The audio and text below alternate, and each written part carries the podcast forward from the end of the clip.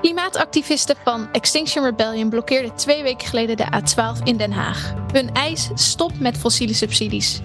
Maar wat zijn die fossiele subsidies eigenlijk? Om hoeveel miljarden gaat het? En vooral, hoe komen we er vanaf?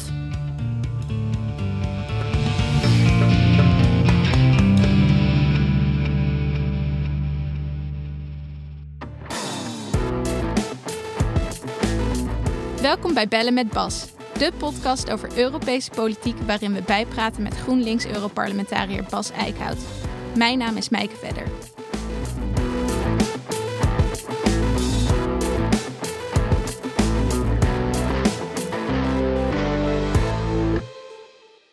Ik bespreek het vandaag met Bas. Hallo Bas. Hoi Maaike, goeiedag. Hoe zit je erbij vandaag? Uh, nou ja, uh, goed. Het is, het is, het is druk uh, in Brussel. er speelt ongelooflijk veel weer. we, we zitten nu ook. we verwachten binnenkort Zelensky nog in het Europees Parlement deze week. Dus dat is ook nog wel spannend of interessant, zeker. Dus nee, drukke tijden. Maar ja, ook zoals altijd wel interessante tijden gewoon. Speelt Gelukkig. Ik wou het eerst even voordat we het over die fossiele subsidies en ook het bezoek van Zelensky nog gaan hebben uh, terugblikken op de aflevering van vorige week. Die ging namelijk over de Amerikaanse Inflation Reduction Act en wat het Europese antwoord daarop moet zijn. Inmiddels ligt daar een heel pakket aan voorstellen. Daar hadden we het toen al even over, de, de voorbeschouwing. Maar wat vind je nu van de voorstellen die er nu echt uiteindelijk liggen? Ja, het was volgens mij best wel een goede voorspelling wat erin zou uh, komen.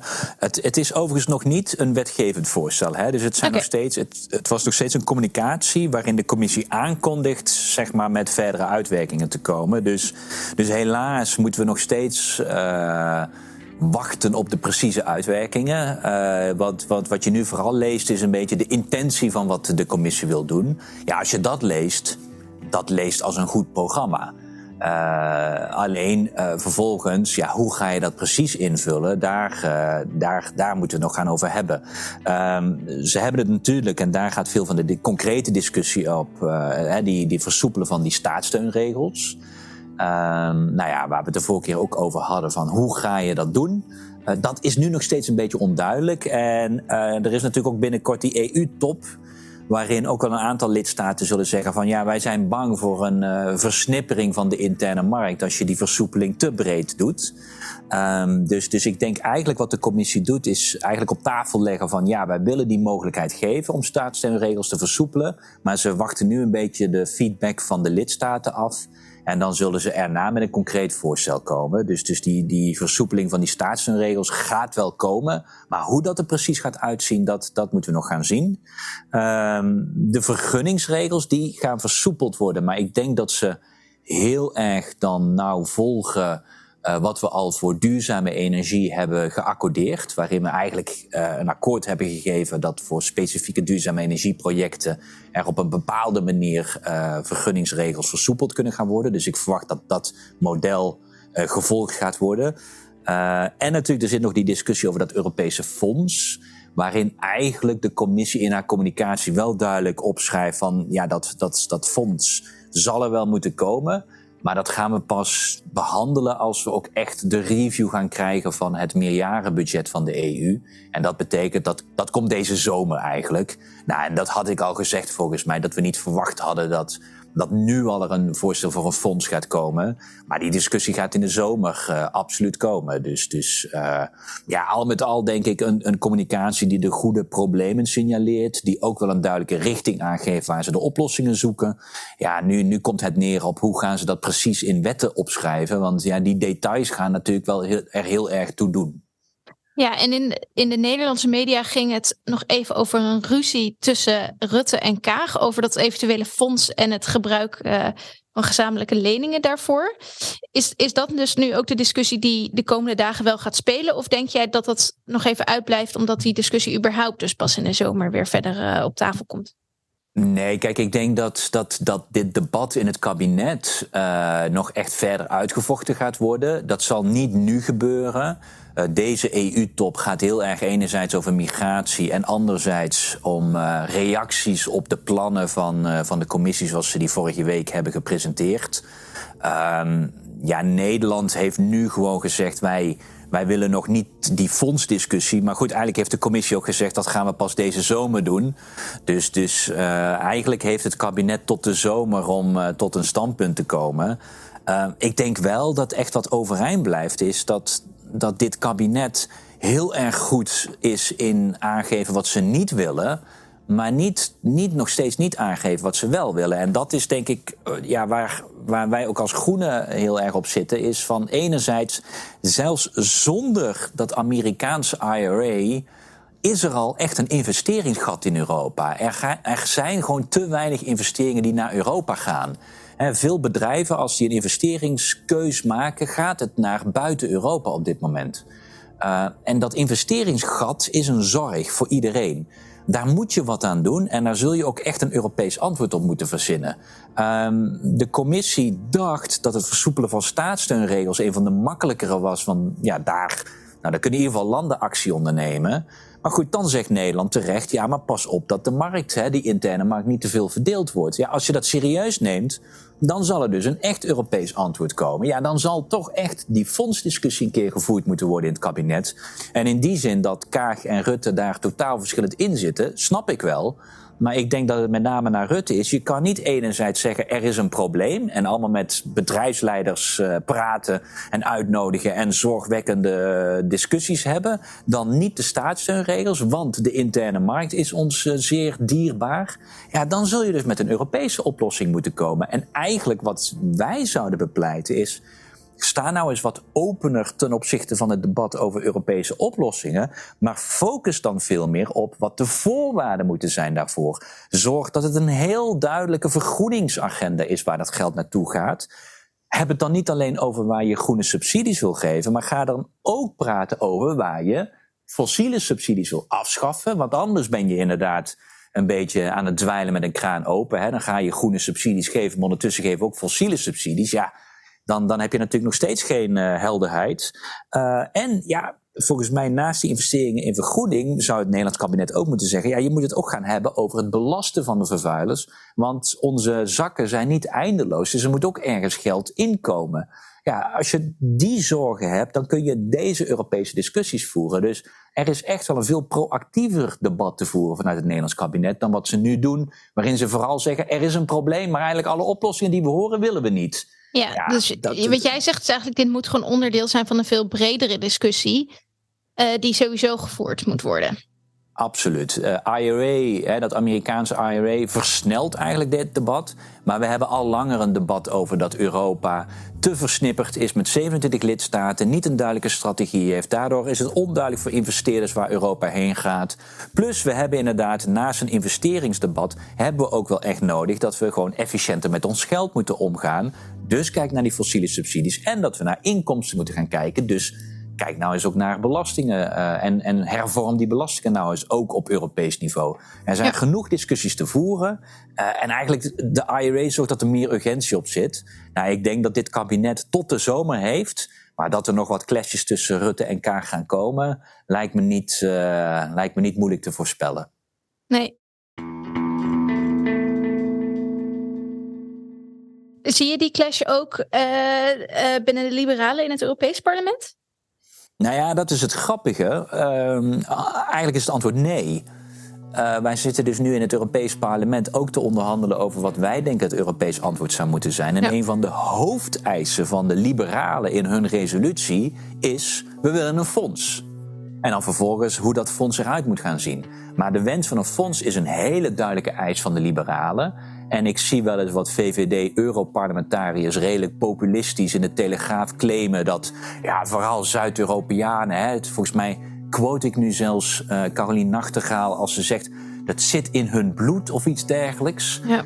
Ja, eh, met alle respect, je eigen fractie in het Europees Parlement vraagt om dat fonds. Dus misschien moet je eens wat minder populistisch in de Telegraaf uh, uitspraken doen. En moet je dit debat aangaan in je eigen fractie. Want je eigen fractie gaat een andere kant op dan wat jij pretendeert wat de lijn is van de liberalen. Ja, dus in die eh, familie kunnen ook nog wel wat spanningen eh, gaan ontstaan. Nou ja, tot nu toe zie ik vooral dat de VVD veel eh, in interviews in de Telegraaf zegt, maar in Brussel hoor ik ze niet. En de lijn van de liberalen is redelijk onomstreden. Dus het is nogal voor de buren wat ze doen in. Nederland. Ja.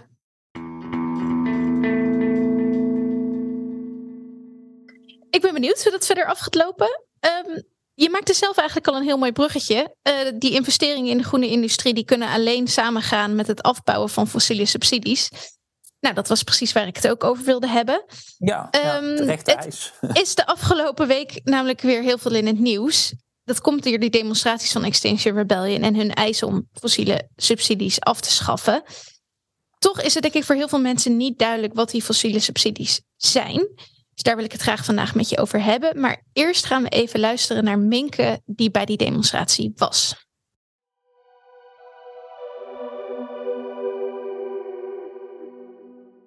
Hallo Minke, jij deed mee aan de blokkade op de A12 in Den Haag. Hoe was dat? Uh, ja, het was super mooi. Um, het was voor XR alweer de vijfde keer dat ze blokkeerden op de A12, maar voor mij de eerste keer dat ik erbij was. Um, en uh, het was echt heel mooi hoeveel mensen er waren. We waren met ongeveer 800 mensen op de snelweg zelf.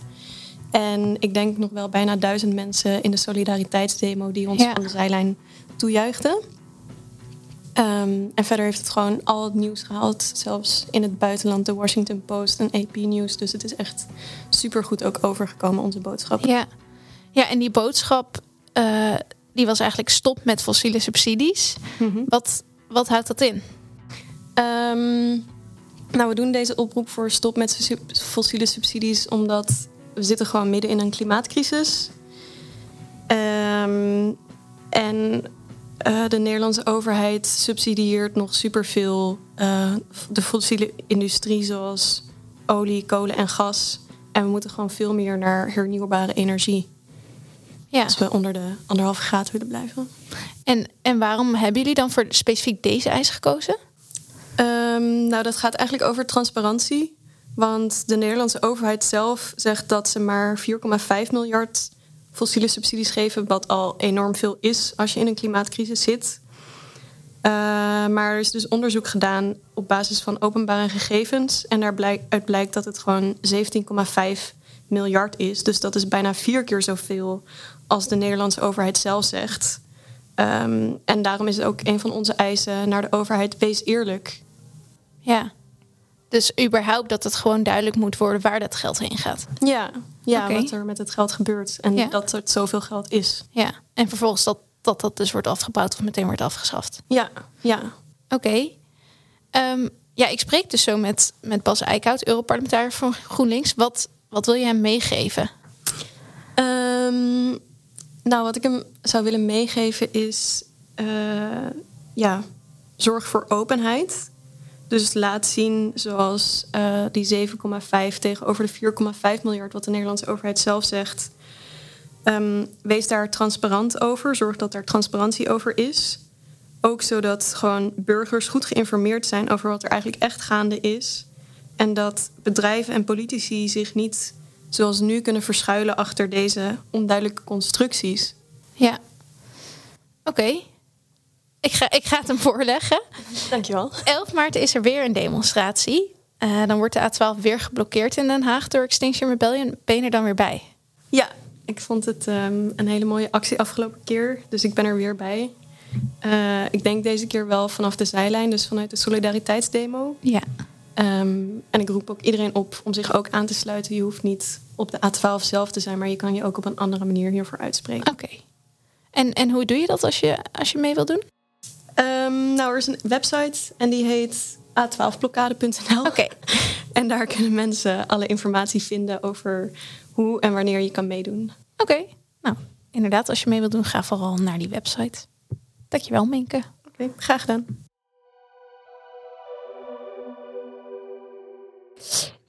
Uh, dat was Minke. Um, ten eerste vroeg ik me af toen ik naar haar luisterde. Zou je zelf ooit uh, zo wanhopig worden dat je op de A12 ook gaat liggen?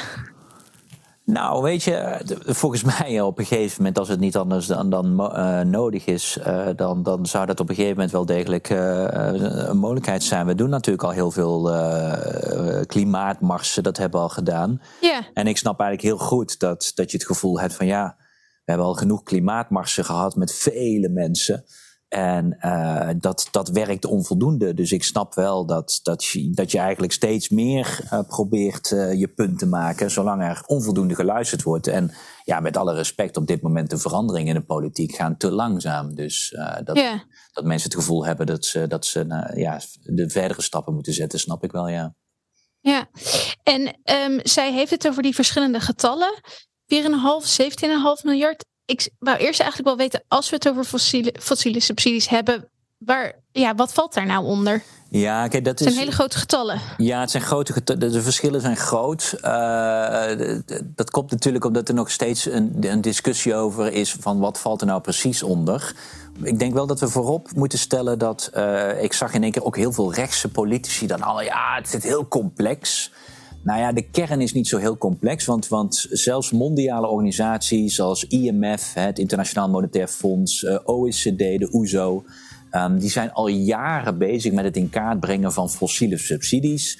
En al die organisaties hebben al lang erkend dat fossiele subsidies eigenlijk uh, onder te verdelen zijn in twee categorieën. Je hebt directe fossiele subsidies. Dan ben je gewoon als, als overheid geld aan het geven. Uh, dat gebeurt ook, maar echt minder in Nederland. Maar in de wereld gebeurt dat nog heel veel. Uh, hm. dat, dat, dat is bijvoorbeeld echt ook een korting. Uh, bijvoorbeeld in India krijg je gewoon een korting op je benzine en diesel. omdat ze willen dat iedereen kan rijden. Ja, dat is gewoon een fossiele subsidie. Uh, dat, dat gebeurt inderdaad minder in Nederland, maar dat is één uh, deel van de fossiele subsidies. En het tweede deel is de impliciete fossiele subsidies. En dat zijn eigenlijk meer belastingkortingen. Uh, waarmee je dus als overheid minder inkomsten hebt dan je eigenlijk zou moeten hebben. Uh, dus dus dat, dat is, uiteindelijk heeft het precies hetzelfde effect voor het uh, huishoudboekje. Hè? Of je nou iets uitbetaalt of je krijgt minder binnen. Uh, de facto wat je doet, is het bevoordelen van fossiel. En dat is in de algemene uh, zeg maar, acceptatie, is dat een fossiele subsidie.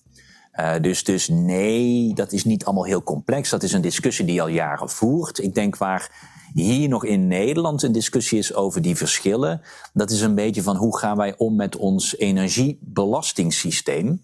Uh, en en daar, dat maakt natuurlijk een groot verschil als je dat ook gaat meenemen.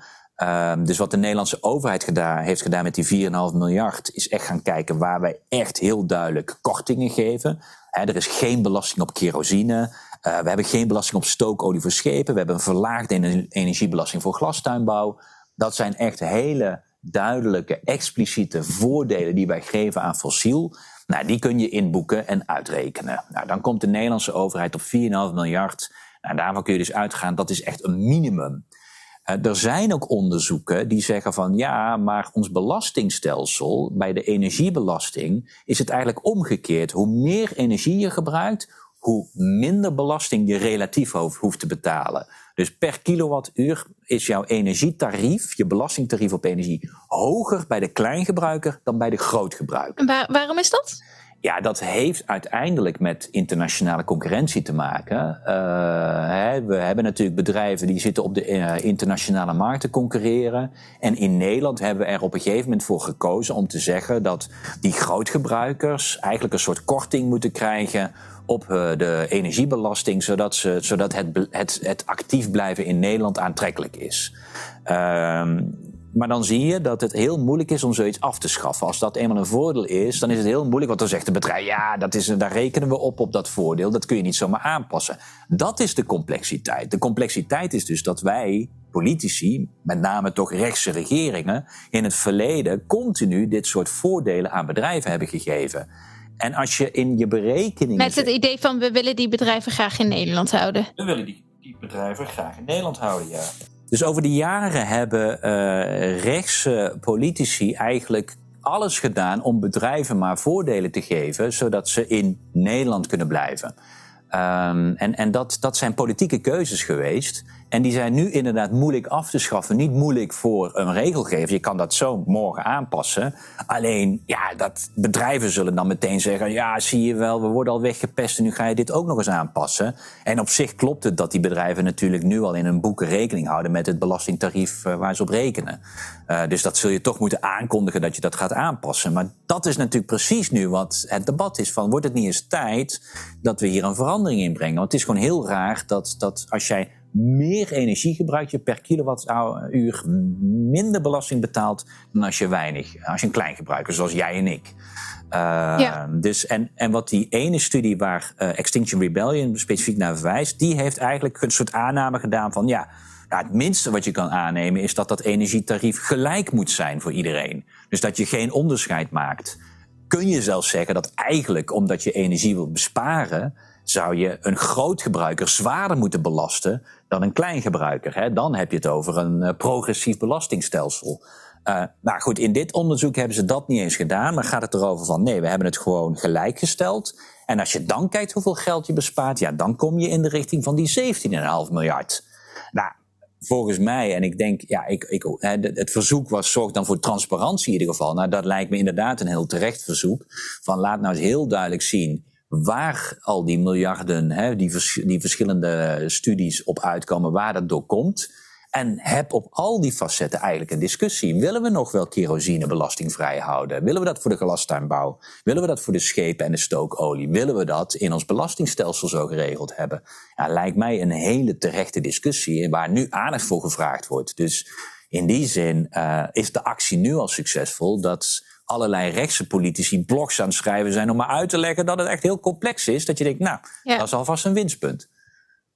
Ja, en jij zegt, nou, het is fijn dat het nu weer op de politieke agenda staat. Maar het is niet voor het eerst dat het op de politieke agenda staat. Er is je hebt het hier al vaker over gehad. Waarom is dat toen niet gelukt en waar heb je toen voor gepleit? Nou, kijk, het, het, het, het staat inderdaad al, uh, al wel langer op de uh, politieke agenda natuurlijk. En uh, zeker op Europees niveau hebben we ook hier continu discussies over. waarin wij al verschillende malen een pleidooi hebben gedaan, ook in klimaatresoluties, dat er een einde moet komen aan fossiele subsidies. Um, wat ons tot nu toe nog steeds niet gelukt is om daar een jaartal aan te plakken. En dat is natuurlijk redelijk cruciaal. Uh, je kan namelijk heel erg zeggen, ja tuurlijk, we gaan fossiele subsidies uitfaseren, maar dan hè, kom maar terug in 2200. Uh, we hebben nu eigenlijk al twee jaar geleden hebben wij een politieke deal gesloten voor het achtste milieuactieprogramma. Dat is een EU-programma. Die heeft elke zoveel jaar een, een actieprogramma. En in dat actieprogramma hebben we nu wel echt de deal dat in 2030 alle landen fossiele subsidies moeten hebben afgeschaft. En uh, dat is dus wel, het is helaas niet een, een het is niet de meest bindende wet die je kan hebben. Het is echt een actieprogramma. Maar dit is wel waarin nu de commissie moet gaan toezien dat landen in hun plannen gaan aantonen hoe ze fossiele subsidies gaan afbouwen. Wij hadden graag een eerder jaar gezien, maar goed, dat, daar is nu het jaar 2030 aan geplakt. En wat wel interessant is, in het Europese debat hebben, zijn we al een stapje verder. We hebben het niet alleen over fossiele subsidies, maar hebben het over, ook over milieuschadelijke subsidies. Want dat is natuurlijk nog breder. Uh, fossiele Dan gaat het ook over biodiversiteit bijvoorbeeld, of ja, natuur. Of... Ja, je begrijpt dat wij dat, uh, dat uh, die thematiek op de agenda hebben gezet, omdat dan onlosmakelijk op een gegeven moment het Europese landbouwbeleid ter discussie komt. Want het Europese hm. landbouwbeleid is natuurlijk één grote subsidie. Uh, en wat ons betreft milieuschadelijke subsidie. Dus die discussie gaat zeker komen. Daarvan is dat in datzelfde milieuactieprogramma afgesproken dat de commissie aan een definitie gaat werken. Wat noemen wij een milieuschadelijke subsidie? En ook al wel de toezegging, ook dat willen we in principe gaan afschaffen. Want op het moment als jij erkent, dit is een milieuschadelijke subsidie, dan is natuurlijk de volgende vraag: ja, maar als we erkennen het is een milieuschadelijke subsidie, dan moet je dit eigenlijk afschaffen. Nou, ja. dat, dat erkent de commissie ook wel. Alleen daar is nog geen jaartal aan geplakt. Dus dat, die discussie is eigenlijk het volgende. Gaan ze nog even uit de weg? Ja, maar het is wel al het volgende debat dat je gaat krijgen, natuurlijk.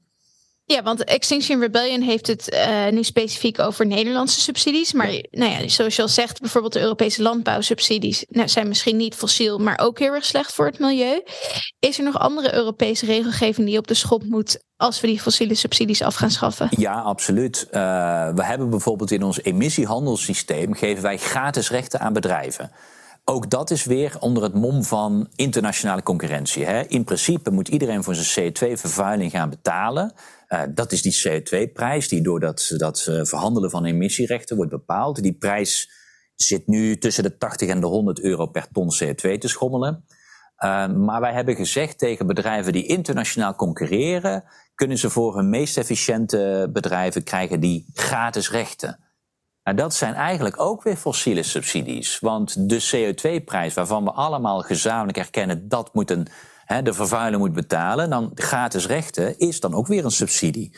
Um, dus dat, dat, dat zit in het Europese Ja, dus ze krijgen weer ook niet direct geld, maar ze worden eigenlijk weer uitgezonderd van betalen voor een vervuiling. Ja, en nu hebben we in de nieuwe hervorming van het emissiehandelssysteem hebben we alvast een akkoord dat voor een aantal sectoren die, die, vrije, die gratis rechten uitgefaseerd gaan worden. Dus ook daar worden gewoon stappen gezet om dat aan te pakken. Elke keer weer willen wij het sneller als groene en het compromis is net wat trager dan wij zouden willen.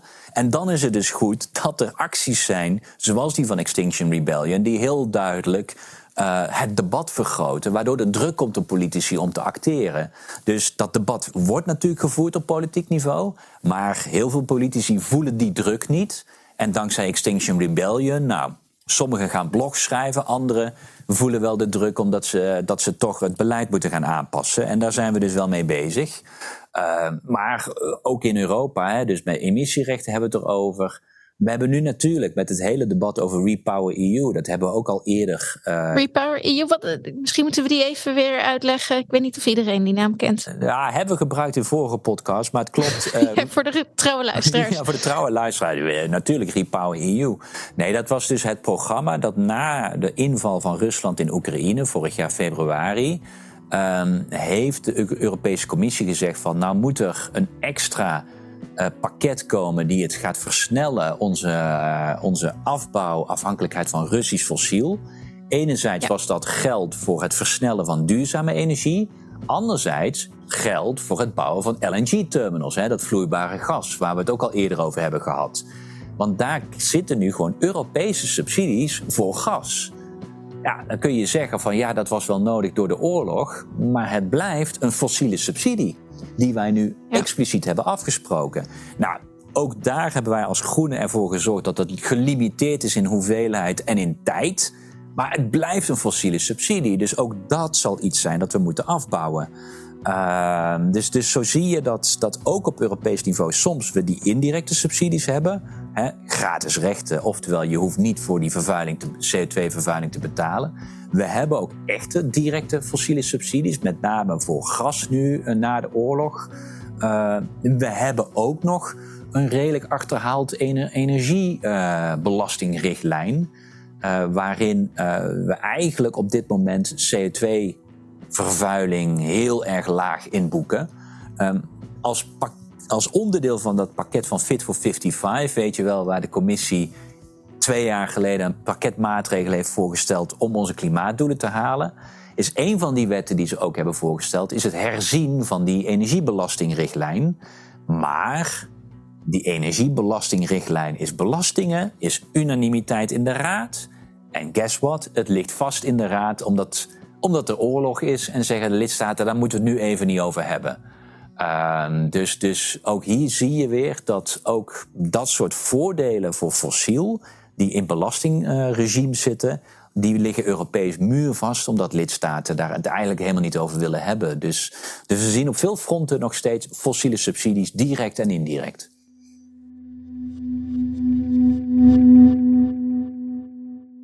Ja, dus wat jij ook zegt, ook binnen Europees beleid zijn er nog veel tegenstellingen. Als het inderdaad uh, binnen dat milieuprogramma afgeschaft moet worden, zullen er ook veel Europese wetgeving uiteindelijk aangepast worden. Ja, en, en dat is natuurlijk wel het interessante. Uh, maar dit gebeurt wel vaker, want, want zelfs de, G, de G7, de G20 hebben al wel eerder uitspraken gedaan van ja, we willen fossiele subsidies afschaffen.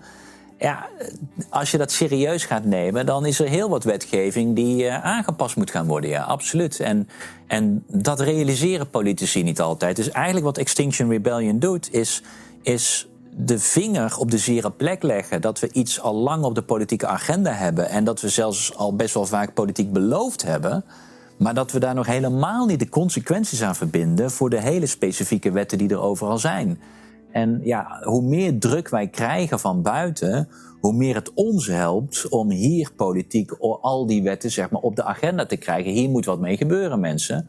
Uh, en, en ja, daar zitten we nu middenin, dat debat. Denk je dan uh, de, dat de klimaatdemonstranten van Extinction Rebellion... die gaan dus opnieuw weer de A12 blokkeren? Uh, gaat dat nog iets, iets doen Hoop je dat dat het politieke debat nog weer opnieuw gaat aanzwengelen? Nou ja, kijk, wat altijd moeilijk is, is dat uh, het is altijd heel goed om een, uh, zeg maar met een actie een thema op de politieke agenda te krijgen. Want dan zie je ook journalisten gaan ineens allemaal opschrijven: hè, wat zijn fossiele subsidies? Terwijl dat dus al een discussie is die jarenlang gevoerd wordt in allerlei internationale organisaties. Dus het helpt om dat thema, wat echt wel onder deskundigen gevoerd wordt, uh, om dat even ja, vol in de schijnwerpers te krijgen. Het is veel moeilijker om het in de schijnwerpers te houden. Omdat ook kranten denken, ja, we gaan niet nog een keer uitleggen wat fossiele subsidies zijn. Want dat hadden we al gedaan in februari. Um, dus dus uh, ik denk dat acties nodig blijven om, om, om gewoon druk op te blijven voeren voor politici om er echt iets mee te doen. Uh, maar het, het, wordt altijd, het is altijd veel moeilijker om een agenda op de agenda te houden. Iets erop krijgen is makkelijker dan erop houden. Ja,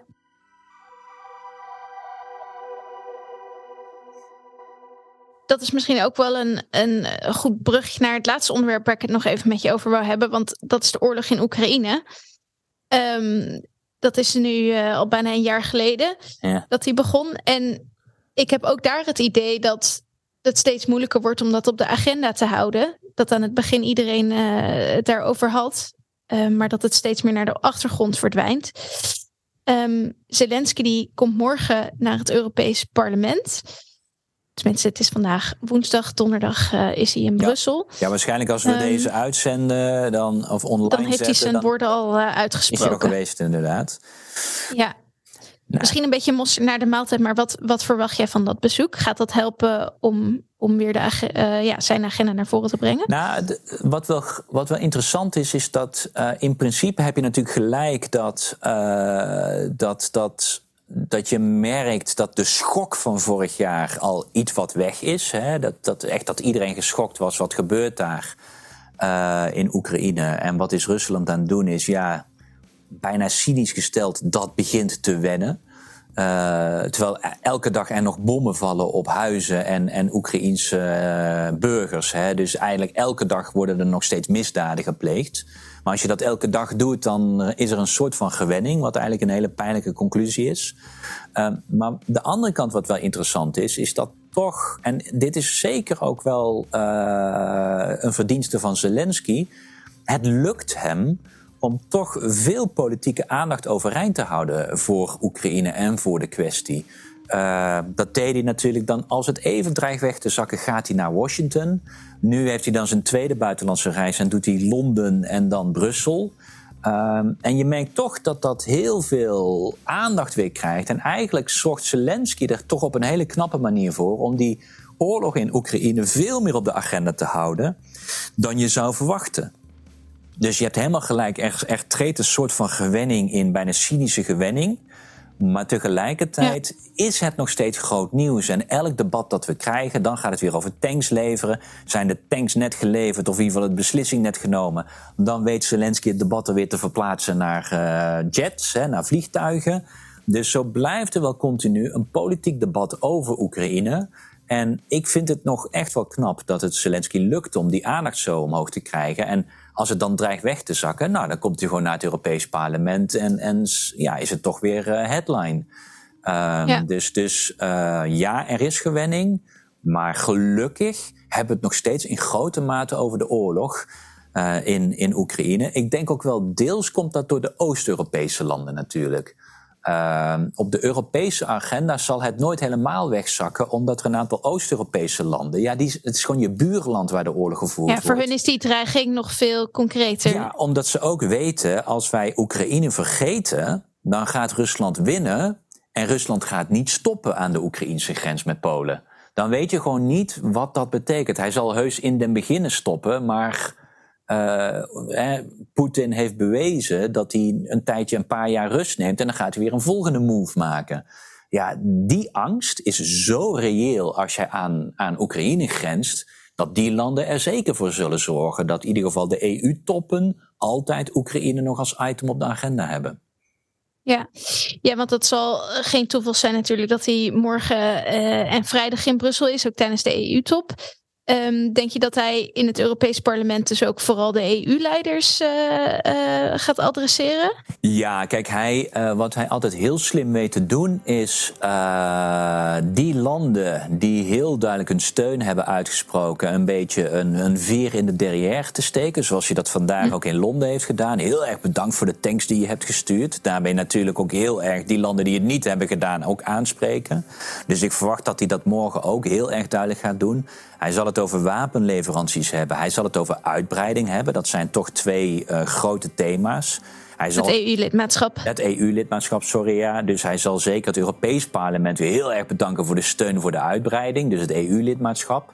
Ja, en dat zal hij doen omdat hij in de ochtend het Europees Parlement natuurlijk puur gebruikt om een speech te houden die die smiddags nog een keer gaat herhalen in een kleiner comité. Want dan, dan is hij op bezoek bij de lidstaat, bij de raad, bij de EU-top. Dus de regeringsleider zal die dan wel directer spreken. Maar je hebt dan de ochtend al een beetje gehoord wat zijn hoofdboodschappen gaan zijn. En hij zal echt wel een aantal landen heel duidelijk eh, bedanken. En daarmee heel impliciet een aantal andere landen ook wel een beetje pushen. En ja, ik ben benieuwd wat hij over Duitsland gaat zeggen. Want dat is natuurlijk toch een beetje de kernspeler. Ja, zit er dus nog spanning, denk je? Nou, kijk, ik denk Zelensky een beetje inschattende gaat hij, uh, gaat hij zeker Duitsland bedanken. Want de Duitsers hebben uiteindelijk een move gemaakt. Maar ja. ik vermoed toch ook wel dat hij uh, bij de EU-top ook wel wat gaat klagen over uh, de traagheid van sommige besluiten. Nou ja, en ik denk dat Olaf Scholz natuurlijk ook wel duidelijk aanvoelt wie er dan aangesproken wordt. Ja, dus meer uh, op een diplomatieke manier tussen de lijntjes door. Ja, precies. En dat zal hij uh, nog diplomatieker doen in een plenaire speech bij het Europees Parlement. Uh, omdat het dan ook daar is om de publieke opinie gunstig te stemmen. ik denk dat hij iets minder diplomatiek zal zijn als hij de regeringsleider direct spreekt in de middag bij de EU-top. Ja, ja. Oké, nou hoe dan ook zal het denk ik een bijzondere speech worden. Ik neem aan dat jij in de zaal zit. Ik ga zeker in de zaal zitten. En uh, ja. ja. het, zal, het is de tweede keer dat hij nu het Europees Parlement toespreekt. Vorig jaar was het natuurlijk online en was de oorlog net gaande. Dus ik weet echt dat je daar met kippenvel in de zaal zal zitten. Ik ben benieuwd hoe dat morgen is, als hij er echt fysiek is. Maar ja, dit gaat wel. Ja, je kunt nu al wel zeggen dat dit weer, een, een toevoeging is aan het lijstje van historische gebeurtenissen in een jaar uh, Oekraïne-oorlog. Ja. We gaan er morgen naar luisteren. Voor nu heel erg bedankt en tot de volgende keer. Tot de volgende keer.